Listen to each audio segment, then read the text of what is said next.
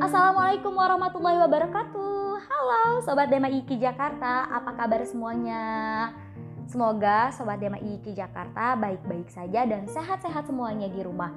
Apalagi sekarang musim sedang tidak tentu, kadang panas, kadang hujan, kadang panasnya menyengat, kadang hujannya juga lebat. Musim-musimnya flu nih teman-teman. Oke, sekarang kalian tahu nih Dema IKI Jakarta sedang mengadakan program baru It's Called Ngobrak Ngabrik.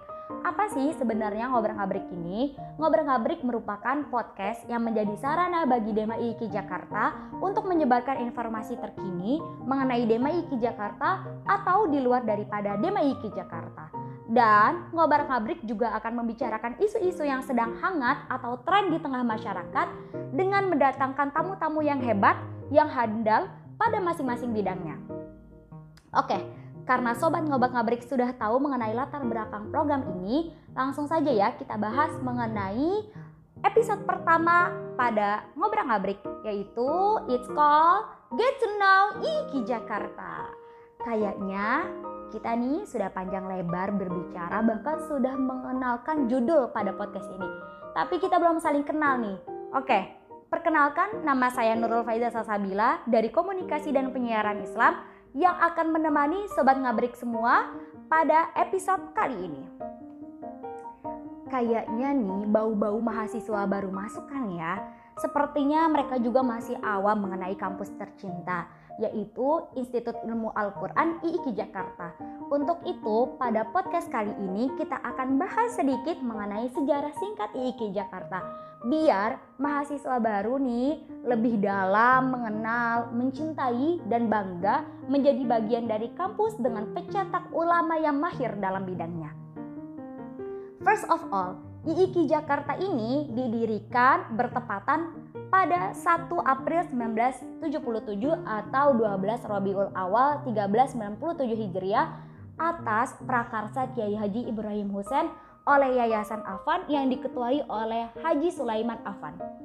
And for your information Sobat Ngobar Kabrik, IIKI Jakarta ini mulanya hanya membuka program Magister khusus perempuan And the important reason why Kiai Haji Ibrahim Hussein membuka hanya untuk magister ya karena beliau ingin menciptakan tenaga pengajar yang mempunyai visi misi yang sama dengan beliau untuk program serata satu nanti. Masya Allah ya ide beliau itu sangat out of the box nih untuk menciptakan IKI Jakarta daripada manusia-manusia pada umumnya yang biasanya mereka uh, baru menciptakan sarjana S1 dulu baru S2 tapi beliau beda strat magister atau S2 dulu baru beliau menciptakan strata 1. Dan kalian tahu ternyata murid pertama beliau adalah Bu Maria Ulfa. Korea nasional bahkan sampai internasional loh. Beliau ini Masya Allah banget ya. Siapa yang nggak kenal Bu Maria Ulfa? Dan Kiai Haji Ibrahim Hussein mendirikan IIKI Jakarta saat umur beliau sudah sepuh teman-teman. Lalu IIKI Jakarta baru membuka program Strata 1 pada tahun 1981. IIKI Jakarta dikenal di masyarakat sebagai kampus S1 khusus perempuan yang mana semuanya adalah penghafal Al-Quran, mahir dalam bidang kiro asabah, bidang tilawah, bidang dakwah, dan masih banyak lagi.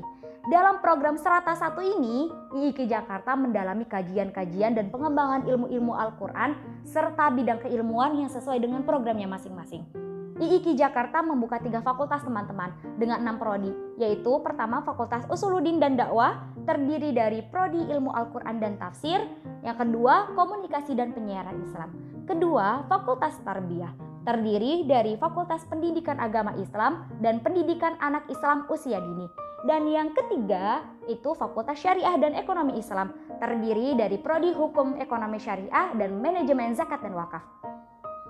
IIKI Jakarta merupakan lembaga perguruan tinggi yang menggabungkan sistem pendidikan pesantren dan sistem pendidikan tingkat tinggi dengan tujuan menghasilkan ulama wanita yang hafal Quran, intelektual, berwawasan luas, dan ahli di bidang ulumul Quran. Masya Allah, sobat ngabrak-ngabrik. Beruntung ya kita sudah menjadi bagian dari IIKI Jakarta. Tapi bukan hanya itu teman-teman, bukan hanya tentang kekuranan IKI Jakarta ini. IKI Jakarta juga punya sarana dalam pengembangan kreativitas mahasiswa untuk mewujudkan ide-ide mahasiswa yang cemerlang dalam bidang media, yaitu Studio IKI Jakarta. Mahasiswa IKI Jakarta dengan bebas menggunakan studio tersebut asal ada izin terlebih dahulu nih dengan pihak kampus. Dan IKI Jakarta juga memiliki fasilitas perpustakaan yang memadai untuk mahasiswa sebagai sarana dalam pencarian referensi. Dan IKI Jakarta nih mempunyai kelas-kelas yang sudah tak kalah canggih dengan adanya Smart TV sebagai pengganti proyektor. Ini membuktikan IIKI Jakarta sanggup berkompetisi dalam menciptakan lulusan-lulusan terbaik yang bukan hanya mahir dalam bidang agama tapi juga dengan kemajuan teknologi. Oke, sobat ngobrak-abrik, sudah sampai pada akhir podcast kali ini. Saya Nurul Faiza Sasabila pamit undur diri. Sampai jumpa di episode ngobrak-abrik berikutnya. Assalamualaikum warahmatullahi wabarakatuh. Bye.